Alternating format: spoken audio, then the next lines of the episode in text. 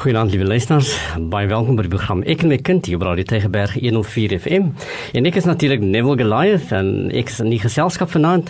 En uh, wie nie saam is vanaand is 'n Sura Swart natuurlik. So vanaand is Sura nie met ons saam nie, maar ek is in goeie geselskap van twee uiters kundige mense en ek gaan nou nou hulle aan u voorstel.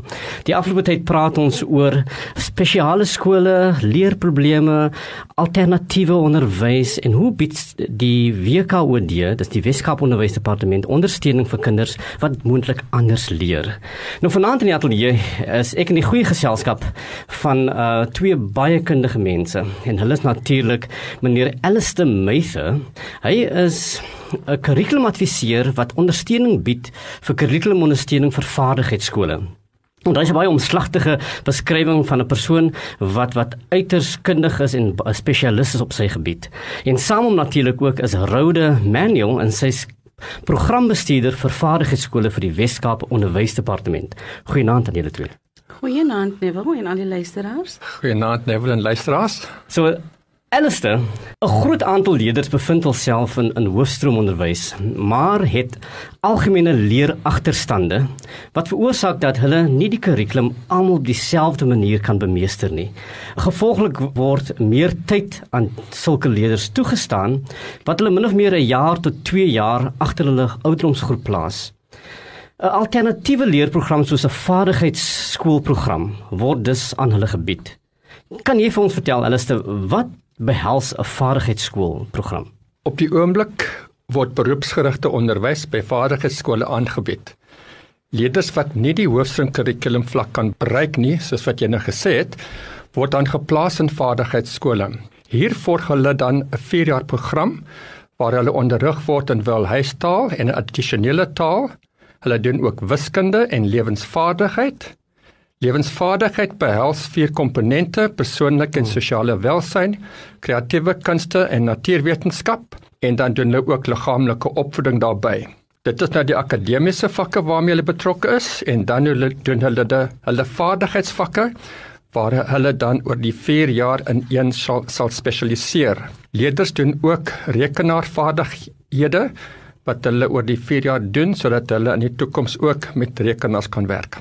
As ons praat van van vaardighede, wat sou hierdie verskillende vaardighede behels? Wat wat sou dit wees? Op die oomblik is daar 21 vaardighede wat skole nou kan aanbied. Natuurlik elke skool doen nie al 21 nie. Hulle maak hulle eie keuse.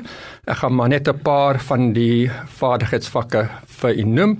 Daar's landboustudies, daar's kantoorpraktyk, daar's vroegkindontwikkeling, motorwerktuigkundige, spuitwerk, bakwerk, daar's swyswerk elektriese werk, houtbewerking en houtwerk, haarkappery, stoffering, instandhouding, hmm. voedselverwerking, naaldwerk, gasvryheidstudies en daar's nog 'n paar anderste. So dis 'n heel wye verskeidenheid van hmm. vaardighede wat leerders kan kies en natuurlik daar's jong dames en seuns wat enige van hierdie kan doen. Dis natuurlik nou vir, vir al die kinders in onderwysie, nê? Nee? Hoe oud moet die kind wees om te kwalifiseer vir vir die programme wat jy sopas aan ons uh, beskryf het? Op die oomblik as die leerder die vierde program begin, is hulle omtrent 14, 15 jaar oud en Rhoda sal later hmm. bietjie meer detail daaroor gee oor die beroep die vereistes om leerders in hierdie program in te kry. Rode het dit ons genoeg skole om die toenemende aanvraag. Maar want ek weet in baie ouers wil baie graag hulle kinders in vaardigheidsskole kry en dan beland hulle op 'n waglys en dan besef hulle hulle kind kan nie noodwendig plek nie. Nou het ons genoeg skole want dit blyk asof hierdie aanvraag vir opname in hierdie skole toeneem. Kan jy vir ons sê het ons genoeg En watter skole doen dit wat ons sopas oor gepraat het? Eers sal ek net met met die luisteraars wil deel hmm. watter skole is daar in die Weskaap. Ek is bevoorreg om met 22 vaardigheidsskole te werk wat dwars oor die Weskaap geleë is. In die metro het ons 11 skole en in Metro Suid het ons Verkavde in Mitchells Plain en dan in Metro Oos is daar Axios, Latita, Westcliff in Bethel School. In Metro Noord is daar die Grendel Vaardigheidsskool Daar's ook Atlantis Vaardigheidsskool. Ons het Bishops in Florida. Florida is in Reytewag geleë. En dan in Metro Central het ons vir Batavia. Dis van een van ons ouer skole en dan het ons ook Seviwe wat in Gugulethu geleë is. In die Wynland Die Wynland is bevoorreg. Hulle het eintlik 5 vaardigheidsskole. Oh, okay. Ons het vir Steyntal wat in hmm. Tilburg is en dan het ons vir Wellington, ons het vir Eureka in Woester en ook vir Parel Vaardigheidsskool. En laastens in die Wynland het ons vir Nuwe Hoop. In die Weskus is daar ook twee skole, dis Weskus en Riebeek Vallei. En dan in die Oeverberg het ons vir Agallus Vaardigheidsskool. En Agallus is in 'n pier. Ons weet dat daar 'n groot aanname is en daar 'n groot behoefte is vir leerders om in vaardigheidsskole geplaas te word. En alhoewel 'n mens kan sê dis nie genoeg nie, kan ek sê dat die WKOD probeer hmm. ons bes om alle leerders te akkommodeer. Ons het in 2017 twee nuwe skole begin en hy twee nuwe skole was Wellington en ja. Ireka in Woester. En ons beoog om oor die volgende 2 jaar nog twee nuwe vaardigheidsskole te begin om al die leerders te kan akkommodeer. Ons sê die ja, daar's 'n toenemende aanvraag. Hoekom neem dit toe dat leerders hierdie alternatiewe program nodig het? Ek voel sterk dat die kurrikulum in die hoofstroom het sterk iets daarmee te doen. Hmm. Want daar's baie leerders wat sukkel met die hoofstroom se kurrikulum. En dan ook baie leerders doen beter as hulle prakties werk. Hulle doen beter as hulle 'n vaardigheid doen. Dis die manier hoe hulle beter leer en dis eintlik hulle sterkpunt. Hmm. En omdat meer en meer leerders dan beter hulle voel meer hulle wil in 'n vaardigheidsrigting gaan, is daar 'n groter aanname en 'n groter aanvraag vir vaardigheidsskole. Dan sê dit baie goed dat ons hierdie skole het want dan blyk dat dat ons baie kinders het wat wat programme soos hierdie nodig het. Ja. Alles die, die onderskeid tussen 'n vaardigheidsskool en 'n tegniese skool. Ons het van die lig af gepraat oor uh, daar kan soms verwarring wees dat 'n skool soos die Belwel HTS is anders en en ouers sal dit soms ook anders verstaan. Hulle dink 'n vaardigheidsskool is presies dieselfde soos 'n uh, tegniese skool. Kan kan ons dit in 'n netop net die verskil vir ouers uitlig? Ja. Belwa Tegniese Hoërskool doen beroepsonderwys. Ja. As ek nou in Engels kan gebruik, gebruik ek die woord technical vocational. En in die presentasie tussen die teorie en die praktyk is gewoonlik 50-50%. Ja. Waar in jou vaardigheidsskole waar ons nou beroepsgerigte onderwys na verwys, is die praktiese werk 75% Oeh. van die van die werk en die teorie meestal 25% van die werk. So daar is 'n groot onderskeid tussen hmm. die twee. En en ouers moet seker maak dat die toekoms van die kind in terme van uh, dit wat Belwel Tegniese Hoërskool as 'n voorbeeld hmm. aanbied, is nie dieselfde as wat 'n vaardigheidsskool soos byvoorbeeld Westcliff wat nie te ver weg van Belwel Tegniese Hoërskool is nie. Ja. Nou indien leerders nou nie toegang sou kry tot 'n vaardigheidsskool program so wat ons nou oor praat hier vanaand nie.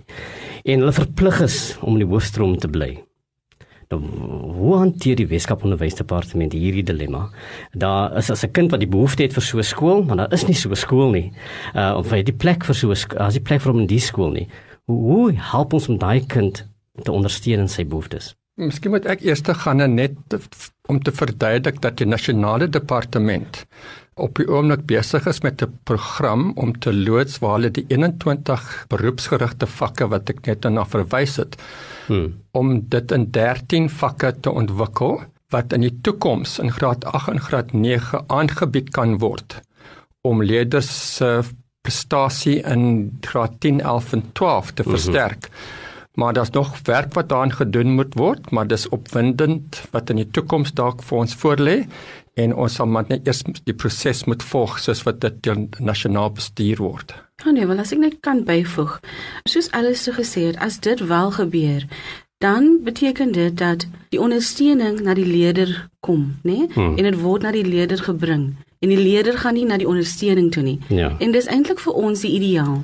Dis eintlik wat ons wil hê. Maar omdat dit nog 'n proses is, is daar wel leerders wat weggewys word, nê? Hmm. En ons kan nie al die leerders op die oomblik in die 22 vaardigheidsskole akkommodeer nie. En daar word wel leerders weggewys en hulle bly dan in die hoofstroom. En daar sê ons vir die hoofstroom skole en ons het dis hoofsaaklik primêre hoofstroom skole wat ja. leerders verwys, nê, want hulle is nog baie jonk as hulle na 'n vaardigheidsskool verwys word. En ons verwag dan van die hoofstroom primêre skool om daai leerder in die primêre skool te ondersteun. Elke primêre skool moet 'n uh, ESGOS, ons noem dit ESGOS, né? Nee? Mm. Dis 'n skoolgebaseerde ondersteuningsspan. En elke hoofstroom primêre skool ons beskou dit as hulle het 'n ESGOS wat ja. wel werk, né? En daai ESGOS is dan verantwoordelik vir die ondersteuning vir daai leerder. Hulle moet dan werk met die distrikspan. Ons het spanne in die distrik, dis ons glo spanne. Dis ons gespesialiseerde leerder en onderwysondersteuningsspanne wat in die distrikte geleë is en hulle is daar om die primêre skole te ondersteun en om hulle te help om 'n individuele ondersteuningsplan vir daai leerder op te stel sodat daai leerder ook verder ondersteun kan word terwyl hy nog by daai skool is. So die Weskaap Onderwysdepartement is presies bewus van en wie daai kinders is. So sou hulle aansoek doen vir 'n kind na om 'n toegang te verkry na 'n vaardigheidsskool. En die kind kry nou nie plek nie, maar daar is nog net die plekkie dan gaan hy kan terug na die hoofstroom skool toe maar hy, hy word dan die ondersteuning gebied deur die ESGO spanne waarna jy verwys en die distriksgebaseerde span sal dan bewus wees van hierdie kind en hulle bied vir hom die nodige ondersteuning deur 'n individuele sorgplan wat hulle vir, vir die kind dan sou hê Dit is so dit wat jy sê. Ja. So indien die kind nou so voortgaan en hy bly dan en verkry die ondersteuning, vir hoe lank kry hy daai ondersteuning? Is daar ooit 'n geleentheid vir hom ooit toegang te kry tot die skool waartoe hy nie toegang gekry het nie? Wat ons doen is dit is 'n proses, nê? As ons nou um, ons siftingsvergaderings hou en ons gaan rukkie later praat daaroor. Dit is 'n proses en in ons siftingsvergadering het ons ons leer ondersteun mense van die distrik ook in ons vergadering en hulle kry dan die lys van name hmm, van daai okay. leerders wat nie geplaas was nie. Maar wat ons ook doen is ons plaas baie leerders op 'n waglys vir die vaardigheidsskool. En as 'n plek oop is by 'n vaardigheidsskool, word hy leerders later ingeneem by die skool as hmm. daar 'n geleentheid is. Okay. Jy het sopas verwys ook na die die moontlikheid om die kurrikulum na die kind toe te bring. Nou nou dit is 'n out of the box tipe idee. Nee, hoe bring ons die kurrikulum wat die kind nodig het na die kind toe binne 'n hoofstroomskool wat nie noodwendig die kurrikulum sou hê nie. Is daar maniere dat ons daar kry elsste? Op die oomblik ons moet verstaan dat kurrikulum 'n nasionale proses is en en die Weskaap Onderwysdepartement is tans besig saam met die nasionale departement om kurrikulum formeel te ontwikkel wat binne in die stelsel dan aangebied kan word. Sodra daai proses klaar is en die daar's 'n formele kurrikulum met hulpbronne vir onderwysers, dan is die idee dat in die toekoms waar skole wel in hulle eie infrastruktuur en waar hulle nou onderwysers het wat vaardigheidskennis het, waar hulle die kurrikulum kan neem en dit in die skool aanbied. As jy gaan kyk na skole in die platteland waar daar nie altyd 'n ja. geleentheid is om vir 'n kind na vaardigheidsskool toe te kan te gaan nie, kan die skool dan ontwikkel in so 'n manier dat hulle die kurrikulum kan vat en vir die leerder aanbied. Maar wat ouers moet verstaan in daai geval dat dit sal noodwendig 'n vergelyking week tussen die getal leerders ja wat dit wil doen en die aantal personeel wat die skool het want jy kan nie noodwendig vir een kind 'n personeellid aanbied om 'n vaardigheidsvak aan te bied nie. So hmm. daar's baie dimensies wat gebruik sal moet word om te bepaal watter kurrikulum by watter skool aangebied kan word vir watter kind. Ja. Maar maar die die idee en die proses is so ontwikkel om dit in die toekoms moontlik te maak. Nou nou die idee wat wat julle nou noem is is dit 'n nuwe idee vir opvoeders? As ons nou hierdie idee moet neem opvoeders toe, sal hulle gerad wees daarvoor.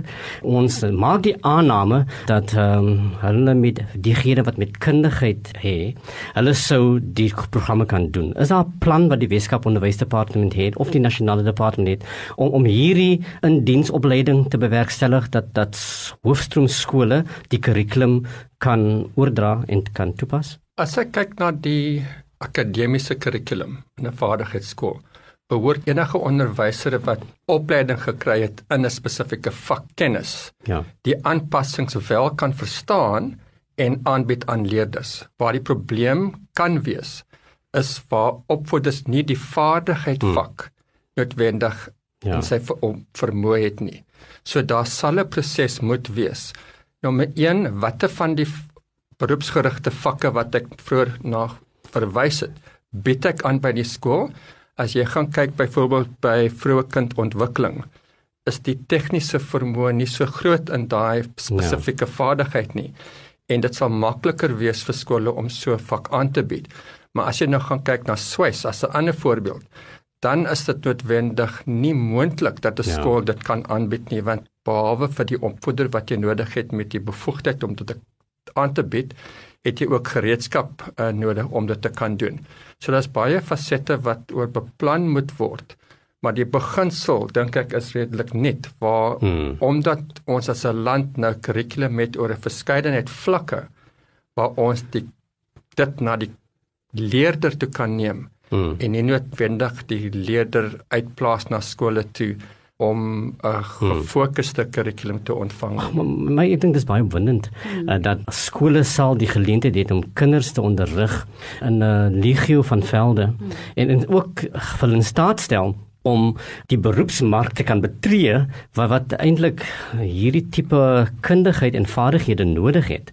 So so eh, ek ek sou seker sê ons moet ons we have to watch the space en en dat daar gaan baie goed is in onderwys gebeur om die hierdie drie stroom kurrikulum of die kurrikulum wat gerad is vir kinders met wat vaardigheidsopleiding benodig aan hulle gebied sal word. So Rode, ek is nog steeds by die punt as ons nou die kinders identifiseer. Hmm. En daar's 'n proses wat natuurlik verloop by die skole om kinders te identifiseer. So, hoe doen ouers aansoek? Is daar 'n proses wat ouers moet volg as hulle besef nou my kind benodig 'n vaardigheidskool program? Kan die ouer vir die skool se luister, ek wil graag hê my kind verwys na 'n vaardigheidskool. Wat is dit wat ouers kan doen? Wat is die proses wat wat ouers moet verstaan? Dit is baie belangrik vir die ouers om met die skool, met die hoofstroom primêre skool te werk, né? So 'n ouer moet altyd weet wat met sy kind aangaan, waar die kind sukkel, watter behoeftes die kind hmm. het. En hoe ons te werk gaan met ons plasings in ons vaardigheidsskole is dat ons verwag as as 'n kind in die grondslagfase is, dan verwag ons dat al my kinders ter dee gewerk. People must work with them. Right. I can put it like that. Hulle moenie afgeskryf word nie en hulle moenie as hulle nog in die grondslagfase is geïdentifiseer word as 'n kind wat eendag na vaardigheidsskool toe gaan nie. Daai kinders moet baie ondersteuning kry veral as dit kom by wiskunde en dit kom by die tale. En as die kinders in die intermediêre fase kom en die skool besef hierdie kind het 'n agterstand. En gewoonlik wat ons doen is as ons die leerders in 'n vaardigheidsskool plaas, kyk ons na leerders wat een keer in die grondslagfase herhaal het hmm. en ook een keer in die intermediêre fase herhaal het, nê? En wat 'n 2 jaar agterstand het. En die ouer en die en die skool werk dan saam die ESGOS, die span by die skool. Hulle is daar om die leerder en die klasonderwyser ja. te ondersteun. En wat gebeur dan as daai span voel dat hulle nie langer hierdie leerder kan help nie. Hulle het nou alles probeer en hulle voel hierdie leerder moet na 'n vaardigheidsskool toe gaan. Ja. En daar's nou 'n behoefte aan 'n vaardigheidsskool. Dan is dit juist daai span by die skool wat die aansoekvorm vir die vaardigheidsskool invul. Ja. En hulle werk dan met die sielkundige van die distrik. En die sielkundige help hulle dan om al daai vorms in te vul. En daai vorms word dan na die distrik gestuur waar ons ook ons distriksmense het. Ons gloospan is by die distrik.